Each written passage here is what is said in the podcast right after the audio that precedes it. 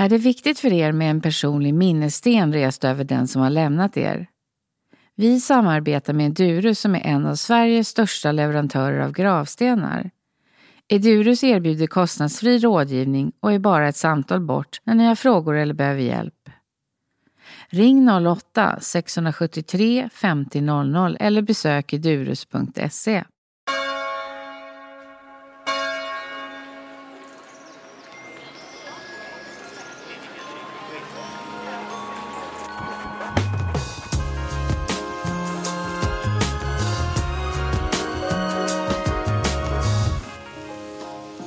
Välkommen Sven Irving, journalist, till podden Min död, min begravning.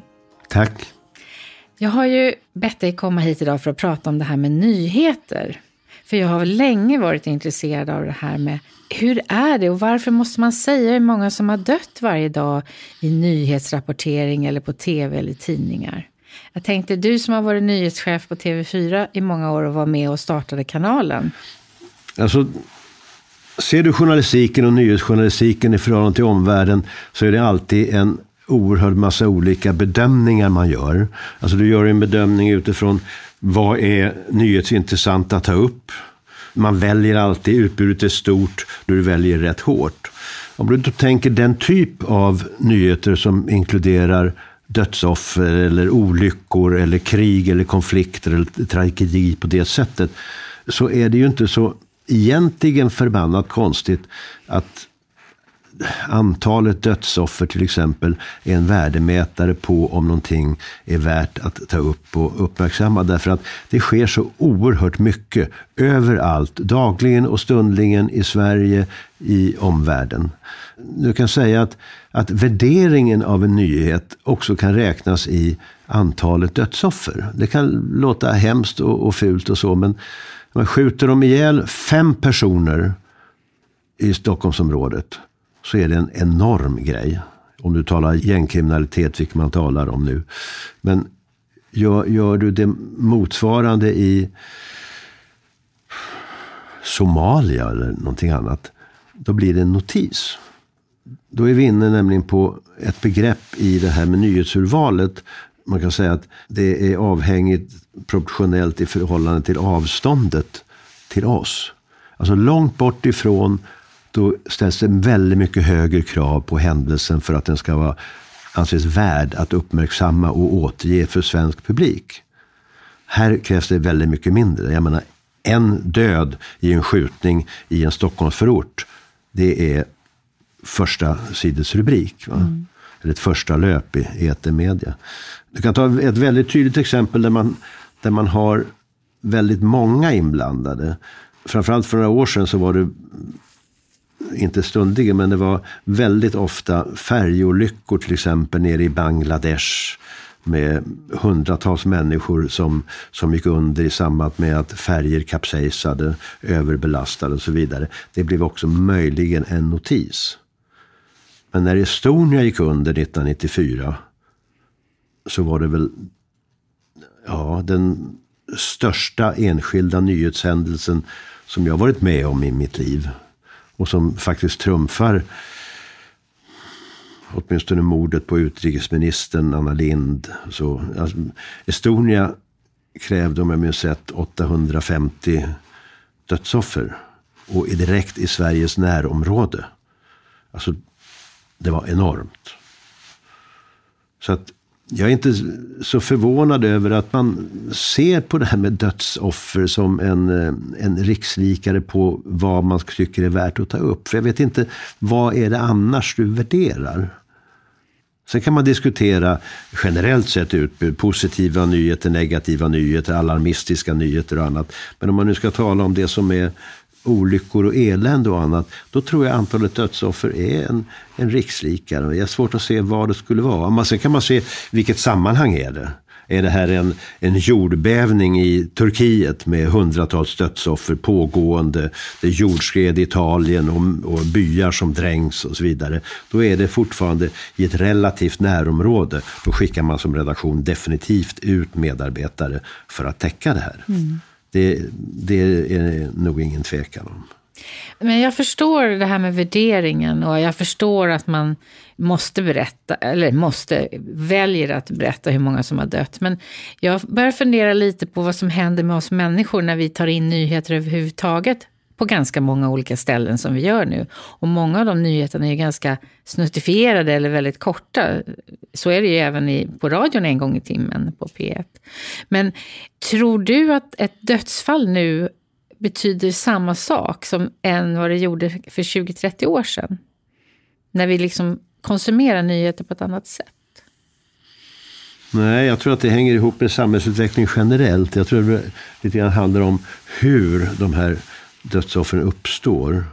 Jag tror att eh, ett enskilt rån eller, eller någonting annat är, spelas ner. Det måste till någonting mer som är kopplat till, till kanske den politisk, dagspolitiska agendan. Mm. Och nu är det dagspolitiska agendan kriminalitet, gängkriminalitet, förorter, hårdare straff, vad ska du göra, visitationszoner eh, och, och, och annat. Mm. Men eh, själva den, liksom den här variabeln antal dödsoffer, den är inte så konstig. Den kommer nog att leva kvar. För det är svårt att säga.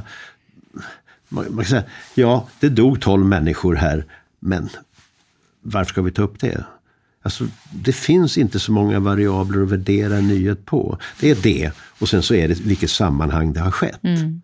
Det, det är väl de som är de rätt givna aspekterna skulle jag säga.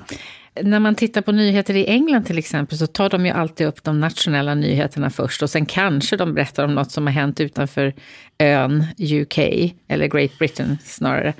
Och i Sverige så börjar vi ofta med utrikesnyheter. Har du någon tanke kring det? Jag håller inte med dig, faktiskt. Eh, jag tror fortfarande att det som är näraliggande är det största. Mm. Om det inte är så att det känns futtigt i förhållande till någonting större. Ja, Ukraina-kriget är, tror jag, inte bara Sverige. Det är internationellt en avgörande stor nyhet som berör alla. Mm. Så den globala aspekten, den tror jag snarare att den har utvecklats så att det har blivit mer så. Och att man spelar ner det här lokala. Eller den lokalt nationella. Mm.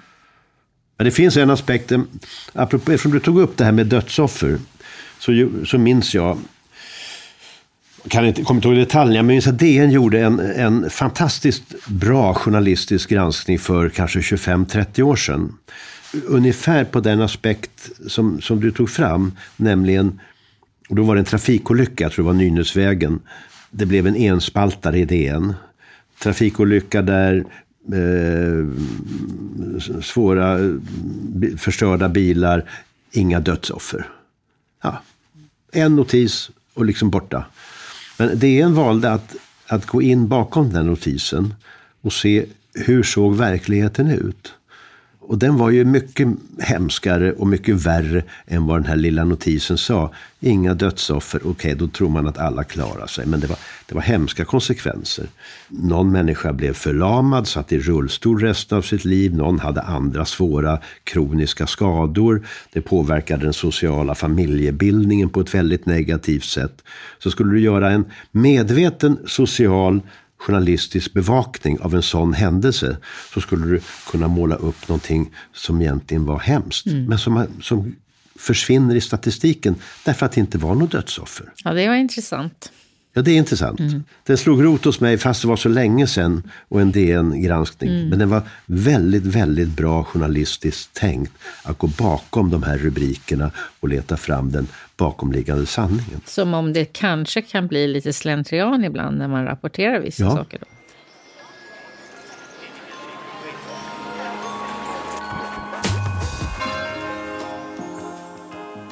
Du som har mött döden genom mycket nyheter under dina eh, dagar som nyhetschef och så, men vad har du själv för relation kring döden just nu?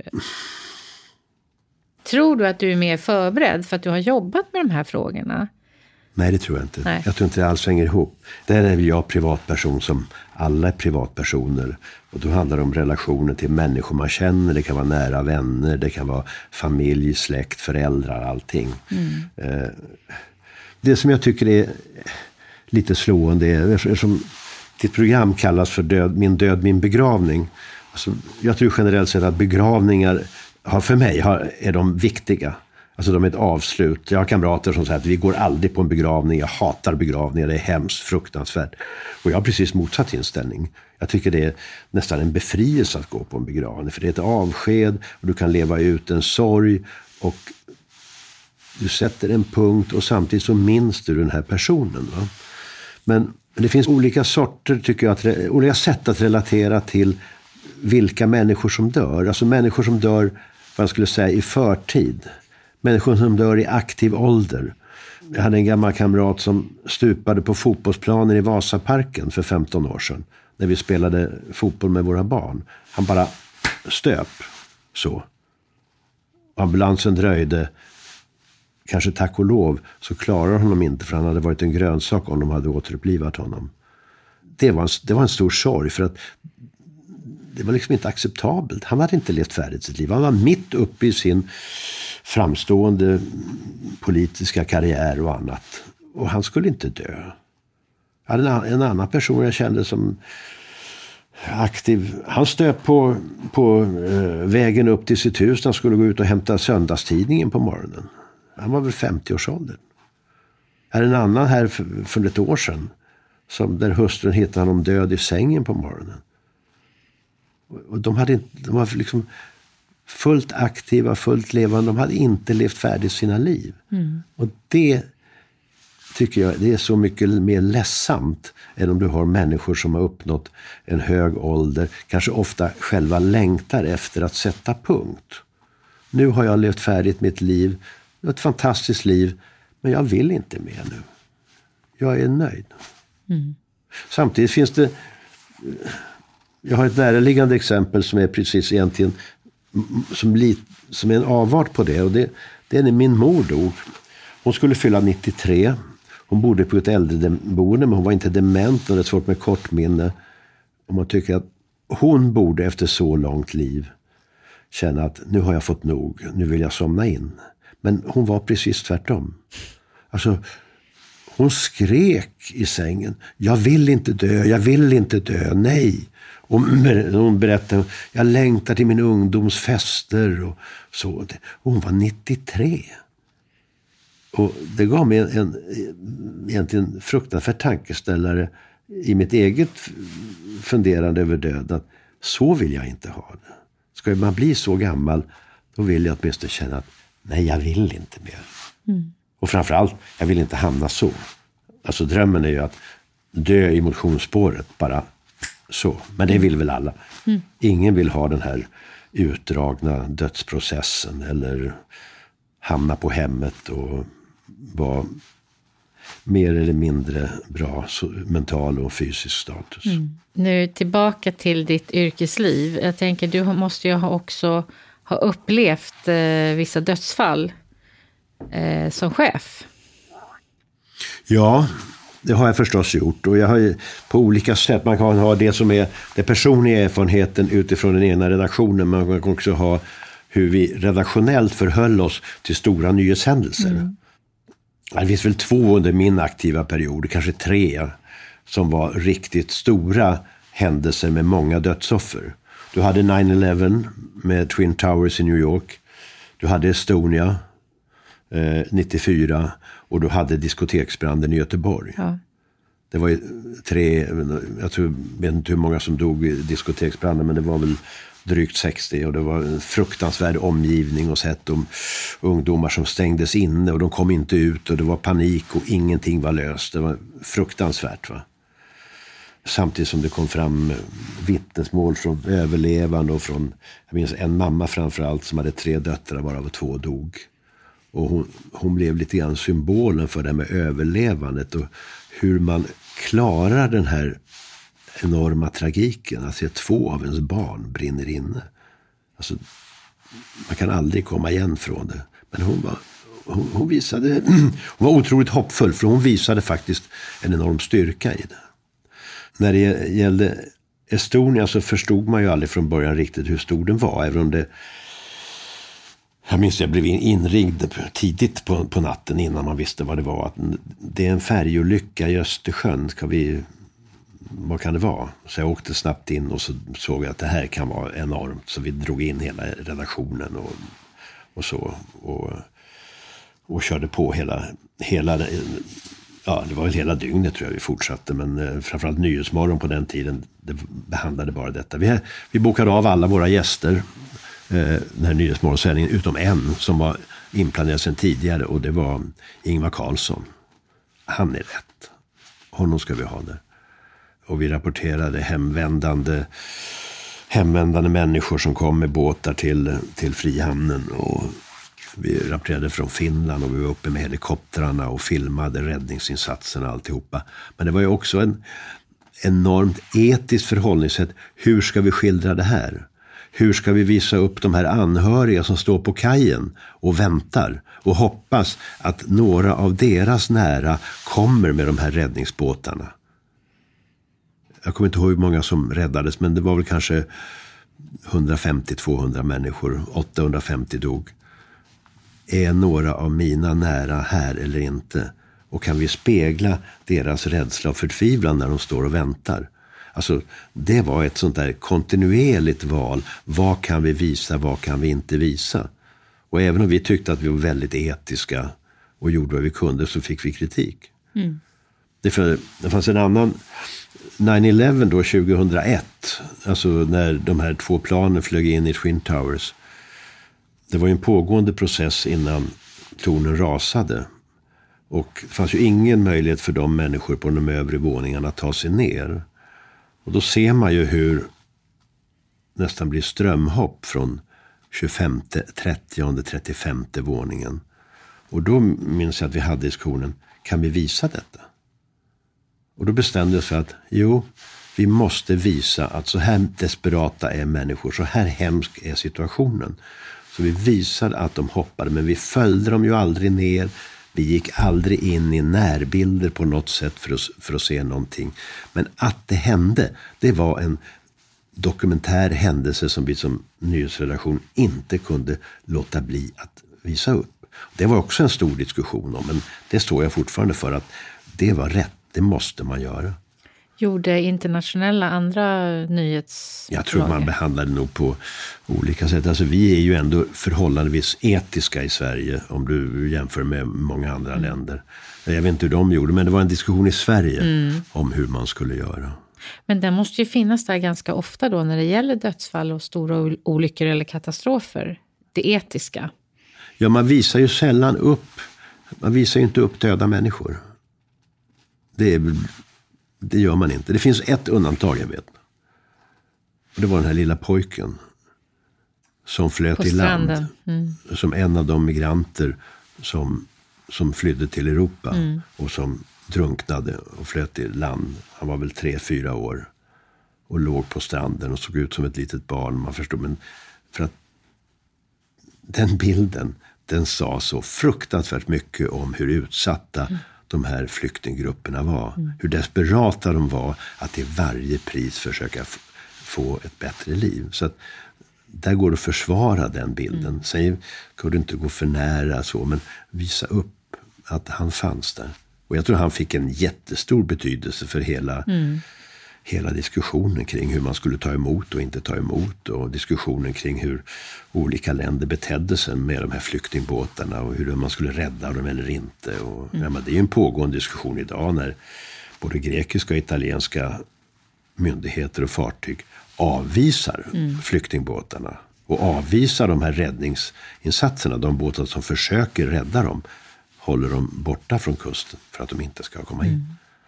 Men den där etiken vad, tycker jag är den ska alltid vara ständigt levande på en nyhetsredaktion. För annars lever inte redaktionen upp till sitt ansvar.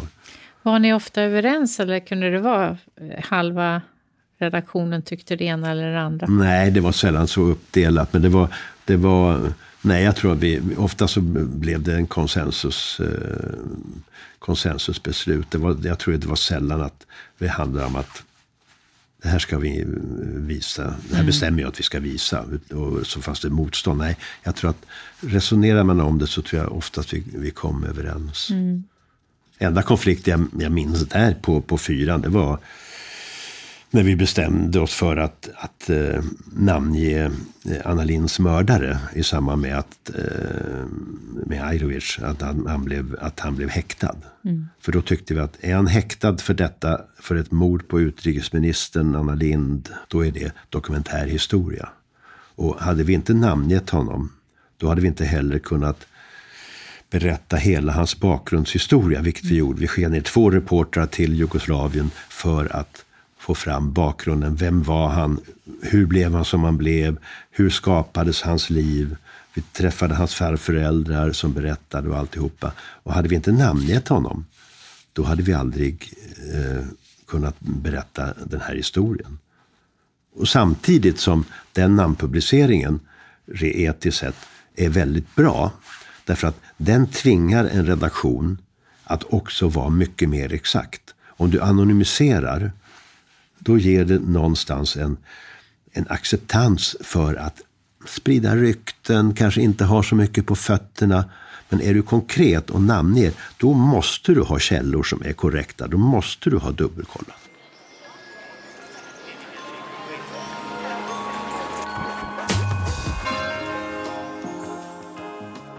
Hur var det att skicka ut eh, medarbetare i, i krig eller till, ja, till farliga platser?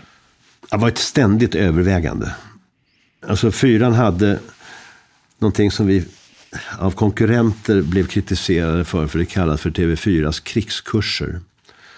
Eh, TV4 hade krigskurser för att skicka ut folk i, i, konflikter och krig. Det var inga jävla krigskurser. Det var, eh, om det var avundsjuka kollegor som, som använde benämningen eller varför de ville åt oss som en uppstickare eller inte. Vi ordnade säkerhetskurser alla som skulle ut i krigs och konfliktområden var tvungna att gå igenom det här som var en otroligt ambitiös kurs med hjälp av internationella kursgivare. Det handlade hur du tar skydd i olika situationer. Hur du agerar om någonting händer. Alltså, blir någon skadad? Blir någon skjuten? Hur gör du? Hur stoppar du ett blodflöde? Hur tar du dig därifrån? Alltså, vi hade reporter, en fotograf som blev skjuten i Kongo. Hade inte reportern som han var utsänd med gått den här kursen, då hade han förblött. Så vi kan hjälpa av en, av en annan fotograf, så kollegorna hjälper alltid varann.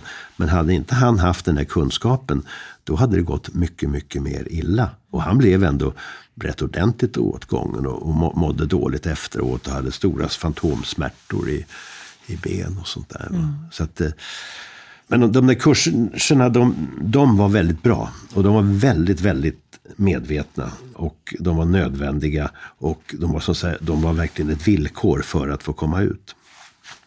Sen hade vi det som egentligen var det etiska problemet på redaktionen som jag minns det. Det var när krig och konflikter utbröt så var ju alltid frågan, okej, okay, vilken reporter ska åka? Vilken fotograf ska åka? Och då fick man säga, kan du tänka dig att göra det här? Det var inte så att nu åker du dit och nu åker du dit. Utan man ställde frågor och det var inte alltid lätt. Det var några som ofta ställde upp. Det var några som antingen hade man ursäkter för att det gick inte tidsmässigt annat. Eller så sa man nej, jag törs inte. Jag vill inte. Och det var fine. Det var aldrig någon som försökte övertyga någon som sa jag känner väldigt obehag inför det här. Jag skulle verkligen inte vilja och min fru är orolig, jag är orolig och våra barn och alltihopa. Okej, okay, då gör du inte det. Men vi hade ju då ändå eh, sådana som var beredda att göra det. Det fanns ju flera stycken som gjorde det. Och då fördes det också ett, ett resonemang, utifrån, nästan som ett fackligt resonemang ett tag, om att man skulle få något som kallas för krigstillägg eller konflikttillägg. Om man var beredd att åka ut. Och det minns jag att, att jag väldigt starkt motsatte mig. Och vi, vi gick aldrig igenom, eh, förde aldrig igenom det. Men det byggde liksom på att en fotograf som åkte ut skulle ha x antal tusen mer för den resan. För att det var ungefär som att köpslå med döden. Och sen, ja, jag är beredd att ta den här risken om jag får 10 000 mer då, finns, då sätter man ju en prislapp på en eventuell död. Mm. Och det är, ju, det är ju hemskt, det är ju köpslå med det.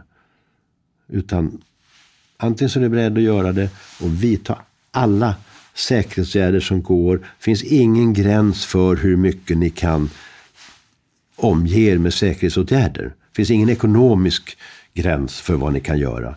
Där ligger det. Men ni får inte mer betalt för att ni ska ta större risker. För det är ju att spekulera i deras mm. död. Va? Sen gjorde vi en, och det kan jag fortfarande fundera på om vi gjorde rätt eller inte. Vi skickade ut ett par till Afghanistankriget 2001. De hamnade i Talokan i norra Afghanistan. De bodde dessutom, det var ändå en hyggligt genomtänkt. De delade bostad med Aftonbladets utsända team som bodde i ett rum. Vårt team bodde i det andra rummet. Det kommer ett gangstergäng. Det här var inte kriget, det här var gangsters. Alltså, de var ute efter pengar, grejer, alltihopa. Som var inne hos Aftonbladet-killarna. Men på något sätt så tog de sig igenom det. Så de lämnade dem, gick in till vårt gäng. Fotografen öppnade dörren. Och det var aldrig något snack, han bara sköts.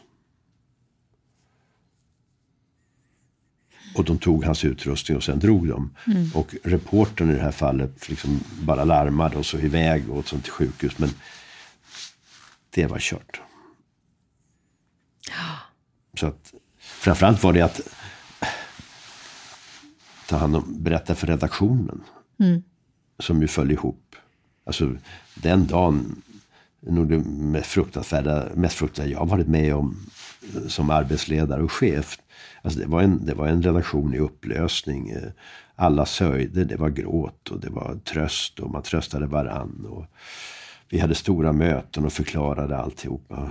Och redan på natten när vi fått klart för oss att, att han var död. Så, så kontaktade vi dels, vi hade ett annat team som var utsänt på ett annat ställe i Afghanistan. De var i Kabul. Eh, berättade för, för dem att de skulle hem. Vi berättar till deras hemmavarande familjer att det är ingen fara med dem och vi tar hem dem. Men sen skulle vi ut till fotografens fru och familj en bit utanför Stockholm. Då åkte jag och vår programdirektör ihop med en präst. Klockan var väl tre, halv fyra på natten. För att berätta det här. Och där, bo, där sitter mamman, mammans syster är hemma och deras tre barn. Och bara vi kommer gående och hon är vaken. Hon ser oss genom rutan. Och hon bara skriker. Hon förstår direkt vad det handlar om. Hon bara skriker nej, nej, nej, nej. Och är naturligtvis i upplösningstillstånd. Och det här var en fantastisk fotograf dessutom. En som nästan alltid ställde upp om man hade möjlighet. För han ville. Han, alltså han brann för journalistiken. Han brann för att vi verkligen måste vara på plats. Och verkligen ingen som man på något sätt någonsin behövde trycka på eller forcera för att han skulle ut. Utan han ville verkligen visa. Han, han brann för det här, precis som de reportrarna. Mm. Och värst, alltså, vi satt ju här och skulle hantera det här på, på avstånd. Och få hem honom i någon blykista från Talokan och hem till Stockholm. Och, men den som var mest utsatt var naturligtvis den reporter. Som fick ta hand om den här skjutne fotografen. Och försöka lösa det praktiska där. Och sen fördes de hem i, sen blev det en konvoj med, efter dödsfallet blev det en konvoj med, med flera västliga journalister som gemensamt tog sig ut från Talokand och, och hem. Tungt. Nej men det var, alltså den prä, den dödsskjutningen, den, den eh, är nog min värsta upplevelse rent personligt. I 15 års tid så åkte jag upp, eh, upp till hans grav där i, i Täby kyrkby varje, varje år på hans dödsdag. Och mm. tände ett ljus och så. Bara för att eh, på något sätt visa honom respekt i, för detta. Det var inte gjort på några år, men det var, det var 15 år där tror jag. Mm. Jag, jag jobbade ju på TV4 då, så jag kommer ihåg det här, den här dagen. Jag kommer ihåg den mycket väl. Jag kommer ihåg tillfället. Ja. Och, äh, när jag såg flygplanen 11 september i, i monitorn, in real, real time. Ja. ja. Det var också, det var också på jobbet? Ja, vi satt på Ariadne och hade ledningskonferens. Alltså programledningen. Jaha. Och så gick jag ut och tittade på, bara för att se om det hänt något på 15-sändningen emellan, mellan, i ett kaffebreak. Så ser jag det här, live, när det händer. Liksom, det var ju bara bryta. Och sen bröt ju hela tablån. Och programdirektören då var ju jätte... Och sa, lyft, lyft alltihopa, bara kör. Ja, just det. Ja, så vi satte ju bara folk i studion. Mm. Bosse Karlström, vår klassiska utrikeskommentator, satt där och, mm. och, kommenterade hela vägen. Jag tror vi, kör, vi körde nog ett dygn minst. Mm. Och ingen visste ju vad. Ingen visste ju vad Al-Qaida var riktigt. Nej. Man tror, om man håller på med det här så länge och hela tiden och det är alltid uppe, att man på något sätt blir härdad. Mm. Och att liksom det bara går förbi så att man bryr sig inte längre. Va? Ja, vad fan, så här, så här. Men det, det stämmer inte. Alltså, man, kanske, man, man kan säga att för stunden kan du se bortom tragiken. Men på något sätt så den finns alltid runt hörnet. Den finns alltid närvarande. För tillfället kan du se bort från den. Men den finns alltid här. Och tänker du efter och, och kanske bara lämnar det här dagsredaktionella så finns den där. Och jag ska säga, tack och lov är det så. Därför att om det inte vore så, då skulle det bara landa i ren jävla cynism. Ja, vad fan, det här är en rubrik, det här är en bra story, det här kör vi hårt på. Men tar du bort det där så blir man, tror jag, alla journalister i de här utsatta situationerna, de blir jävligt mänskliga. Mm. Tack och lov.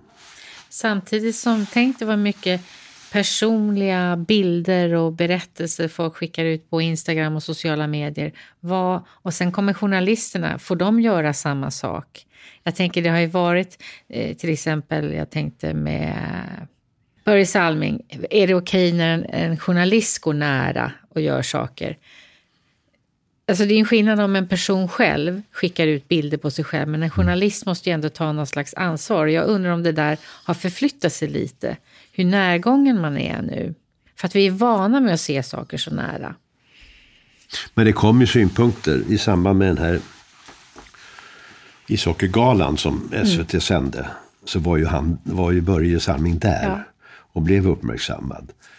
Men sändningen fick ju kritik, framförallt mot slutet, för att man, man gav sig inte. Man skulle liksom ha det här på absolut sista. Och när han hade gått därifrån så gick de ifatt honom och familjen och visade upp honom en gång till. Mm. för att, Och då känner man, nej men ge dig nu. Han har ju varit där och han har visat upp sig själv på ett fantastiskt sätt. Han har lyft upp den här sjukdomen, han har blivit hyllad.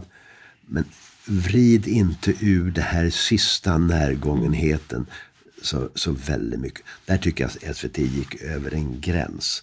Det hade man inte behövt göra. Men det är det jag undrar om det ligger i tiden, att det finns en, alltså den här inre kompassen som du har till exempel, den kanske är annorlunda hos någon som är, är yngre till exempel, i en annan tid? Ja, det kan det nog vara, men då, ska ju, då ligger ju felet i så fall hos en redaktionell arbetsledare, en redaktör som säger nej, det där gör vi inte. Mm. Så att jag tror inte att man har gått över gränsen helt, även om jag tror i och för sig, och det hänger ihop med mängden medier, mängden kommersiella uttryck i medierna som naturligtvis har gjort att man tar ut svängarna väldigt, väldigt mycket högre. Mm. Men det, där har du tillbaka på etiken. Och etiken landar nog olika på olika redaktioner. Samtidigt som man, åtminstone med den traditionella uppväxt och uppfostran man har i media, kanske har högre krav på public service än du har på andra redaktioner. Mm. Rätt eller fel, det kanske är helt fel att ha det för att de är kanske lika uppfyllda av etik som, som public service. Men det är möjligt att jag har högre krav på dem och därför också blir besviken när man ser att, ett, att man går över en gräns. Mm. Så vad får man göra? Som du sa, man, får, man visar inte döda personer men man visar människor inlindade i någonting eller i en kista. Alltså bilden och berättelsen har ju ett syfte.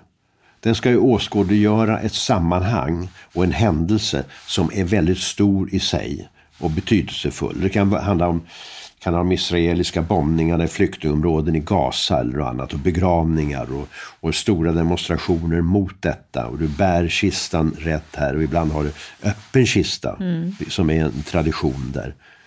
Det måste man visa för det visar ju storheten i en manifestation. Men det är skillnad om du dödar människor som tar Ukraina-kriget. Alltså, du fokuserar inte och zoomar inte in på döda människor som ligger runt om. Men på avstånd måste du kunna visa, om du ska visa det som en del av en rysk krigföring i Ukraina så måste du se att så här lämnade man Cherson, så här lämnar man de här olika städerna. Så här såg det ut i Mariupol. Alltså, om du inte visar det och inte tar in de här berättelserna om, om krigsbrott och övergrepp och tortyr och annat, då får du ju inte heller helhetsbilden. Och den är vi ju skyldiga att ge vår publik.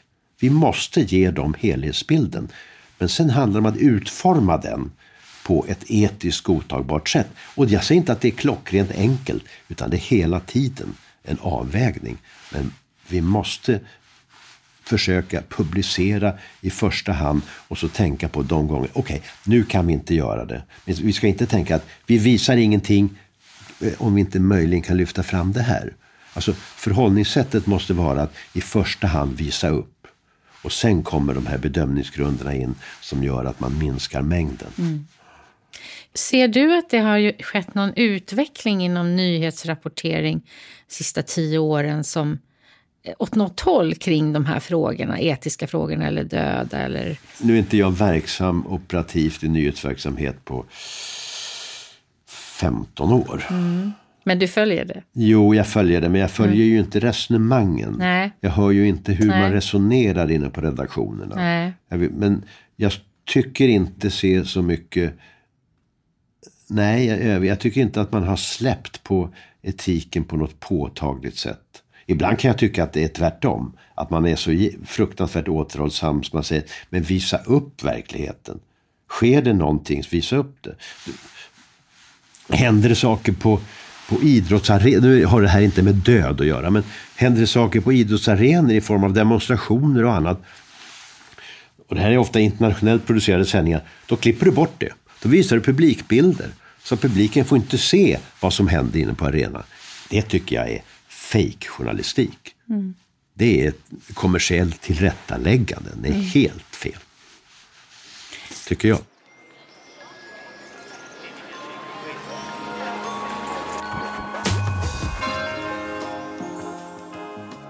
Men om jag går tillbaka till det här som jag reagerade på för många år sedan att om man lyssnar på eh, P1 till exempel, så en gång i timmen så kommer en nyhetssändning som berättar ganska ingående om våldtäkter i Indien eller dödsfall eller katastrofer. Och det var då jag började fundera på det där också, om man har barn hemma och så, att vad är det liksom som kommer, vad är det som bara ploppar ut ur radion?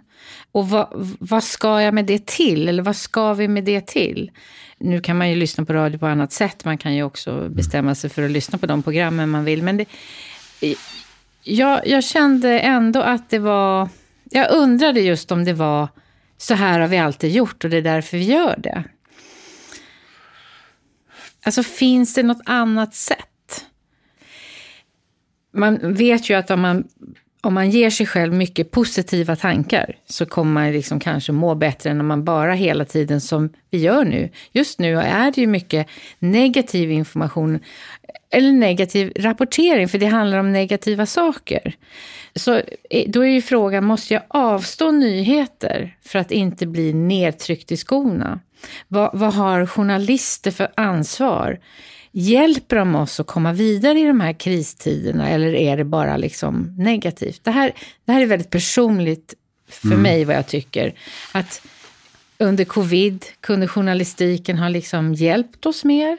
Istället för att bara lyssna varje dag på några våra byråkrater som bara pekar med olika, nu har det dött så många, nu har det dött så många. Det var ju liksom ingen pedagogisk information. Nej, men där tror jag du kan ha rätt.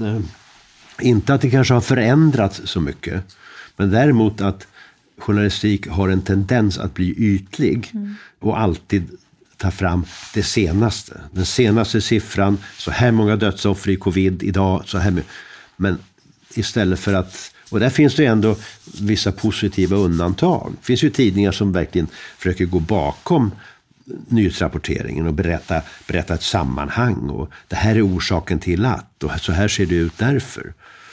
Ja, men Maciej Zaremba gjorde ju en, en väldigt tydlig genomgång i, i DN kopplat till hur man behandlade covidpatienter i, i Region Stockholm till exempel. Va?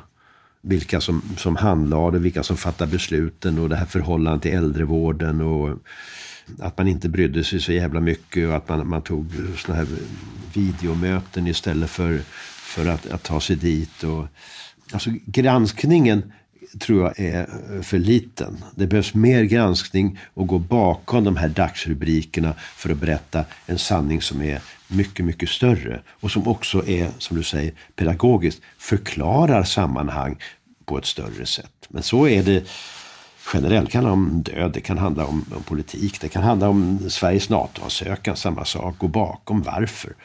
Varför gör man så här? Varför är det så viktigt? Istället för att nu säger Erdogan det här och så svarar de så här. Och vad betyder, oj, det här är hemskt. Men förklara sammanhangen. Mm. Det kan jag tycka då, med 15 års distans till operativ nyhetsverksamhet. Det är för lite förklarade sammanhang. Och det är för mycket bara nyhetspuckar rätt upp och ner. Mm. För det skapar ytlighet. Så du tror inte att journalister har ett ytligt förhållningssätt till döden eller något sånt? Nej, jag tror nog att journalister har precis samma förhållningssätt till döden som alla människor mm. har. Och det varierar naturligtvis. Ja. Nu, talar du, nu talar vi mycket om döden, men eh, och du talar utifrån död, begravning, men död är ju en sorg. Men sorg är ju också så mycket annat än bara döden. Mm. Döden kan ju vara en väldigt snabb, smärtfri lösning på ett, ett fruktansvärd situation. Eller det kan vara ett beslut om att jag vill dö. För att min, alltså, ta Björn Attico Lindblad till exempel. Som, han valde att mitt liv kommer att vara slut här. Nu väljer jag att avsluta det. Men jag gör det glädjefyllt med alla mina kamrater och vänner runt omkring mig. Alltså, det låter ju inte som ett ångestfyllt, hemskt sätt att dö. Jag höll på att göra en dokumentärserie ihop med Annika Hagström för ett antal år sedan. Som, vi fick aldrig igenom den, så den var väl inte så bra eftersom Sveriges Television inte vill ha den. Men den handlade om, om sorg på olika sätt. Döden var en av dem förstås. Det var människor som hade dött i förtur. Det var en människa som var döende i lungcancer och skrev en bok om det här. Men det handlade också om, om sorgen i att bli övergiven. Det handlade om sorgen i att ha levt ett helt liv och längtat efter barn och inte fått några barn. Det handlade om sorgen över att egentligen inte ha fått någon barndom, någon rimlig uppväxt, levt upp som maskrosbarn. Och det är ju en sorg som kan vara, allt det där kan ju, en sorg som kan vara livslång. Och egentligen mycket, mycket, mycket värre än sorgen över död. Som, döden kan ju vara en befriare. Nu säger jag inte att man ska ha dödshjälp generellt sett, men det kan ju vara en befriare om du lever i, i, det, i ett sån situation och i ett sånt läge med att du vet, du kommer att, ska jag leva vidare i fyra år till så kommer jag sitta utan kontaktmöjligheter. Jag kan vara mentalt frisk men jag har inga möjligheter att kommunicera med min omgivning. Jag kan inte röra mig, jag kan inte, jag kan inte göra någonting. Så att döden kan gå fort men det finns, det finns sorg som kan, en annan sorg än döden som kan leva mycket, mycket längre. Mm. Jag tänkte faktiskt på, apropå det sen du kontaktade mig om det här så tittade jag i, i bokhyllan efter en bok som jag kom ihåg igår. Som Karl-Henning Wikmark skrev. Som heter Stundande natten. Det är en, en av hans uh, sista böcker. Den handlar om, om slutet på livet. Det är en skildring av några människor på en sjukhussal. Alla kommer att dö. En person som är huvudpersonen. Den ena efter den andra dör. Till sist, till sist är bara han kvar på den här sjukhussalen. Och han kämpar med sin ångest och han kämpar med sin smärta. Men någonstans i slutet så når han en form av försoning. Jag, jag ska inte gå in på detaljerna hur det men ja, det minns jag gav mig ett väldigt, väldigt starkt intryck. Och jag funderar på om, om det där var han dog, sen levde ju Karl-Henrik Wikmark tror jag tio år till efter den här boken kom ut någon gång i början på 2000-talet. Men om det var ett sätt för honom att bearbeta sin egen dödsångest och sin egen död. Och man får ju känslan att det är han som ligger där och bearbetar och tar upp och förnedringen här och hur det blir sämre och sämre, hur han försöker leva upp i vissa sammanhang. Men det kommer tillbaka, ångesten blir starkare, smärtan blir starkare, blir allt svårare. Om han på något sätt tog ut sin egen kommande död. Och så levde han på. Ja, med några år till. Men, mm. och han fick Augustpriset för den här boken då 2008 eller någonstans 2007. Men juryn skrev då att människan kanske inte lurar döden men Karl-Henning Wikmark visar att litteraturen kan göra det. Mm. Fint. En stark bok. Jag rekommenderar den. Ja. den. Den, gav mig, den gav mig mycket känsla inför vad som komma skall.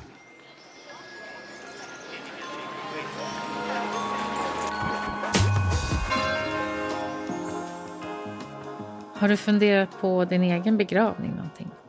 Ja, ja, lite grann. Barnen har frågat. Har du svarat dem? Jag har jävligt svårt att gå in i en ugn i 700 grader. Det känns så hemskt. Mm. Hur död man än är så känns det så hemskt att brinna i... Det är som att brinna i helvetet. Jag nästan, jag nästan hellre blir maskmat och komposterad i jorden. Har du några funderingar på hur det är på själva begravningen? Nej. Nej. Nej. Du lämnar det till... Det lämnar jag till... Eh, nej, jag, nej, jag har inga, inga som helst synpunkter eller önskemål. De som är kvar och vill göra något, de får hitta på något. Mm. Jag tycker verkligen det var intressant att höra om det här med eh, hur det har varit som i yrkesrollen arbetat med död eller skickat ut medarbetare. Och, och att det egentligen kommer ner till att man sen är sin egen människa. Och att det blir personligt, eller hur? Även det. Ja, ja. Visste du det hela tiden eller kan du se det på ett annat sätt nu efteråt? Vad? Att? Kan du liksom se på den där hur du har tänkt kring döden på ett annat sätt nu efter du har jobbat? Eller tycker du att du liksom ser på det precis på samma sätt? Innan Ulfs död så man kan aldrig för, jag tror aldrig man kan föreställa sig eller förbereda sig på hur man gör i en sån situation. Och jag, men jag var ju lika tagen av det här som redaktionen i övrigt var. Det var ju en arbetskamrat som, alltså jag kan fortfarande se honom komma in på, på mitt, mitt rum på, på fyran och tala entusiastiskt för att göra det här. Och han hade ett begrepp som han alltid använde som sa det är världsklass. Det är världsklass där vi ska göra det här så. Han var dessutom Miles Davis-freak. Han älskade Miles Davis. Han spelade alltid Miles Davis. Han var korrespondent i, i Paris ihop eh, med eh, vår reporter där. Och han spelade alltid Miles Davis i bilen när man var och hälsade på dem där och sa det är världsklass. Och han hade precis samma förhållningssätt till sitt sitt arbete. Det är världsklass. Han ringde mig när jag var i New York för att, och berättade från hemifrån och berättade att nu skulle han iväg på den här resan. Och sa yes, jag vill jobba med honom för att det här, nu blir det världsklass. Alltså, han brann för journalistiken. Och han, man kan säga att han brann så in i helvete för journalistiken så att det blev hans fall. Han var aldrig dumdristig, han gjorde aldrig någonting sånt. Han sökte ingen sån här sjuk spänning ut i det hela. Utan han insåg journalistikens värde. Och det är att berätta om situation på, för, för människor. Så här ser det ut här och det här vill vi återge. Mm. Och det gjorde han på ett fullkomligt föredömligt sätt. Mm. Han var en helt fantastisk fotograf. Hans död kunde jag aldrig... Alltså, jag gjorde vad jag kunde för att det skulle vara så säkert som möjligt. Och jag kunde aldrig föreställa mig att det skulle gå så illa. Och jag blev lika berörd av det som jag hade blivit av någonting annat. Det fanns, ingenting, det fanns inget professionellt sätt egentligen som jag kunde, kunde handskas med detta. Så jag var lika, lika ledsen och grät lika mycket som, som övriga på redaktionen för detta. Och försökte bara handskas med det på ett så bra professionellt sätt som möjligt. Och sen hade jag naturligtvis också behov av att gå tillbaka och prata med människor om. Vi tog in en psykolog som, som, jag, som stod till redaktionens eh, förfogande och det var väldigt många som pratade med honom i samband med detta. Han blev sen kvar på fyran i olika sammanhang. Det var väl positivt i sig men Nej, jag tror aldrig du kan, du kan aldrig förbereda dig på det utan du, du måste bete dig på ett vettigt sätt och du beter dig som en människa. Du beter dig inte som en journalist, du beter dig som en människa. Med de slutorden så tackar jag så mycket Sven Irving för att du kom till Min död, min begravning. Jätteintressant. Tack för att jag fick vara med. Tack. Gå gärna in och prenumerera på Min död, min begravning. Då får du reda på när nya avsnitt släpps och där kan du betygsätta podden. Och då hjälper du andra att hitta oss. Tack för att du har lyssnat.